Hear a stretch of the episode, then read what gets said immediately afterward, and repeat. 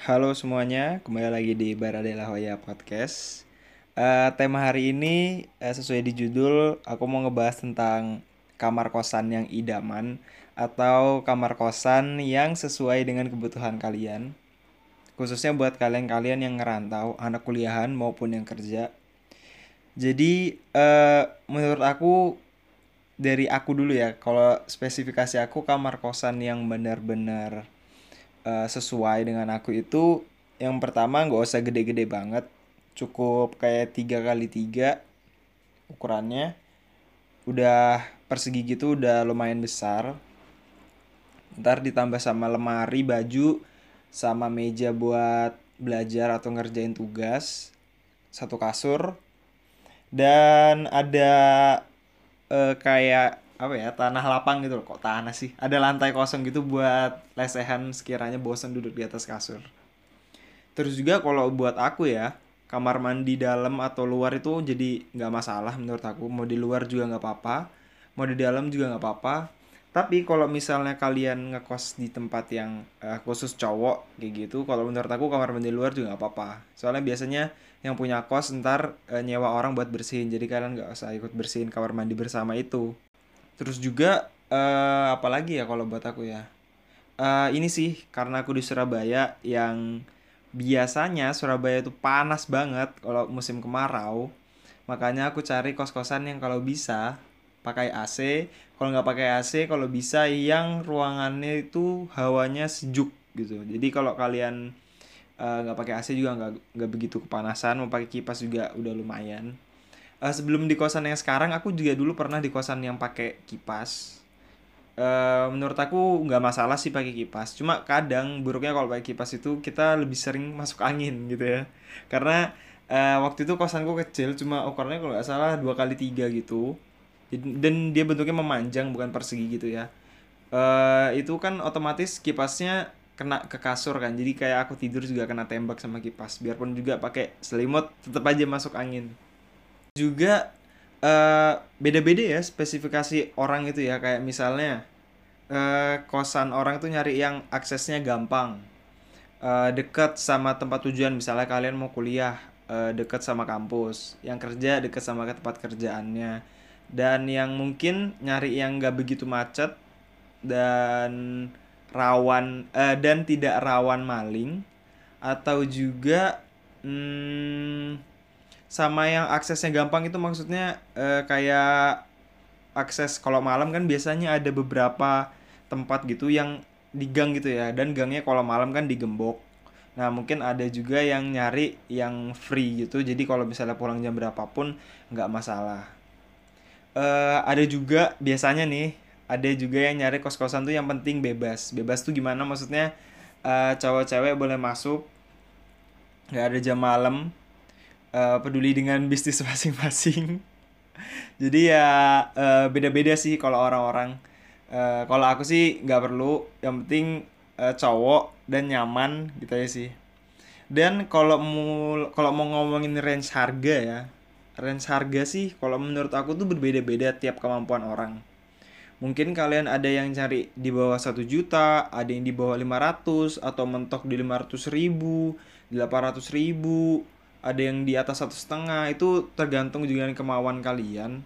Tapi pastikan eh, apa yang kain, apa yang kalian terima itu sesuai dengan harganya. Misalnya nih, kalian bayar kosan 1,5. Yang pertama aksesnya gampang, parkiran luas, ada TV-nya, Terus kamar mandi nggak ada relatif kamar mandi luar dalam tuh relatif. Biasanya itu ada TV-nya, eh ada wifi-nya yang udah dibayarin sama yang punya kos-kosan. Terus pakai AC. Nah, itu biasanya 1,5 ya biasanya. Nah, kalau kalian misalnya cari yang 500, ya kalian dapat yang kalian harapkan kayak misalnya cuma kasur, kipas dan satu lemari, satu meja gitu doang. Tapi kalau misalnya kalian pinter atau hoki gitu nyarinya kayak aku, aku dapat kamar kos yang di mana pakai AC 800 ribu pakai AC, lemari, kasur, meja, eh listrik udah bareng. 800 ribu tapi wifi-nya belum. Wifi-nya uh, iuran lagi di luar itu ya kira-kira iuran tujuh puluh ribu ya jadi sembilan ribu lah. Tapi free free listrik sih itu yang paling kerasa. Nah itu juga. Dan kalau misalnya kalian hoki juga kalian bisa dapat nemu jadi kan aku kosanku ini yang kosan rumah cuma kamar-kamar yang di lantai dua itu di kosin gitu kan. Jadi uh, alhamdulillah ibu kosnya juga baik. Kemarin kita kayak puasa gitu hampir 15 hari itu dapat sahur gratis. Jadi kita kayak waktu sahur tinggal turun ke ruang tamu terus makan. Itu hoki-hokian aja sih dapat ibu kos yang baik kayak gitu kalau enggak ya kalau menurut aku ya kayak sahur pas buat anak kos-kosan itu sangatlah ribet gitu loh. Kita harus bangun kayak misalnya satu jam sebelum imsak terus kita harus keluar. Keluar pun nggak langsung beli makan jarang. Kalau emang makanan enak tuh biasanya ngantri dulu. Ngantri itu yang ngantrinya yang bikin males sih sebenarnya. Udah ngantri misalnya bungkus bawa pulang makan dulu di makan dulu di kosan kelar makan sholat baru tidur lagi. Tapi kalau misalnya kalian udah ada kayak di kos gitu kalian tinggal turun makan nunggu sholat tidur deh gampang aja. Oke oke lagi sih ya.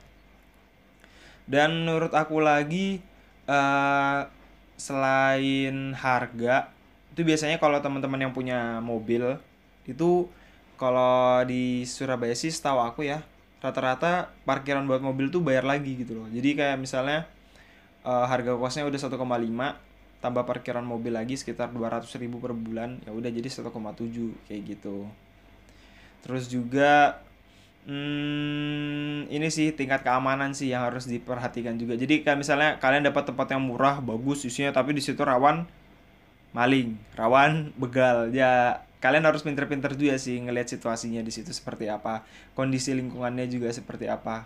Dan dilihat juga kadang kalau kalian hoki itu dapat tetangga juga yang baik kayak perhatian gitu nih nanya mas gimana? Gini gini gini. Jadi diajak ngobrol gitu deh. Jadi uh, kalian bisa minta tolong atau minjem beberapa alat. Misalnya kalian nggak punya di kosan kalian dengan tetangga kalian. Bisa juga. Terus uh, ini mostly buat yang kuliah ya karena aku lagi kuliah. Kalau yang kerja sih menurut aku kayak sebenarnya jarak nggak masalah harga juga nggak masalah karena uang sendiri ya tapi nggak tahu juga. Mungkin kalian bisa share-share juga nanti kalau yang kerja. Tapi kalau yang buat anak kuliahan uh, pastiin kamar kosan kalian tuh senyaman mungkin karena kalian itu bakal uh, menghabiskan waktu-waktu kalian itu di kosan. Kalau misalnya kalian anaknya yang suka di kosan nyantai gitu di kosan itu pasti kalian bakal uh, menghabiskan waktu di kosan. Dan juga dan jangan lupa nyari kasur kalau bisa yang enak.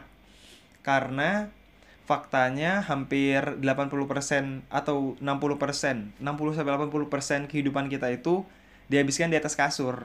Apalagi kalau kalian di atas apalagi kalau kalian lagi kuliah ya pasti kalian uh, nongkrong apa-apa dikit gitu di atas kasur. Main laptop kadang makan tidur nonton hap nonton YouTube di HP dengerin podcast ini mungkin di atas kasur.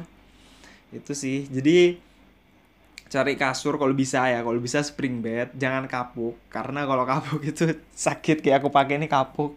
Dapatnya ini ya udah gak apa-apa juga. Tapi uh, keuntungannya ada AC-nya.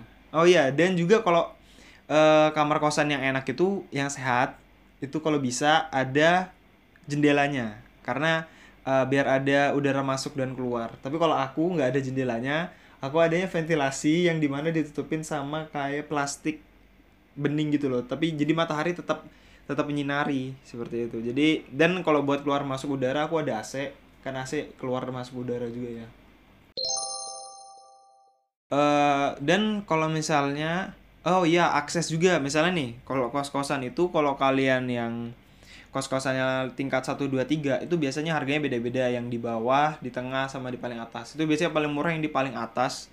Karena ya itu naik naiknya beberapa kali gitu. Dan kalau aku sekarang ini di lantai 3 harganya murah tapi aksesnya di lantai 3. Bayangin aja kalian naik ke lantai 3 misalnya kayak kalian bawa barang-barang berat kayak bawa galon atau bawa apa itu uh, lumayan menyiksa kalau di lantai 3 apalagi kalau misalnya kalian kayak aku nih misalnya aku habis basket cedera gitu harus naik ke lantai tiga misalnya cedera engkel gitu kan pasti ribet banget ya naik ke lantai tiga dan terus juga uh, ini deh sosialisasi sama orang-orang yang ada di kosan. Kalau bisa kenal deh segalanya kanan kiri atas bawah kalian kenalin aja.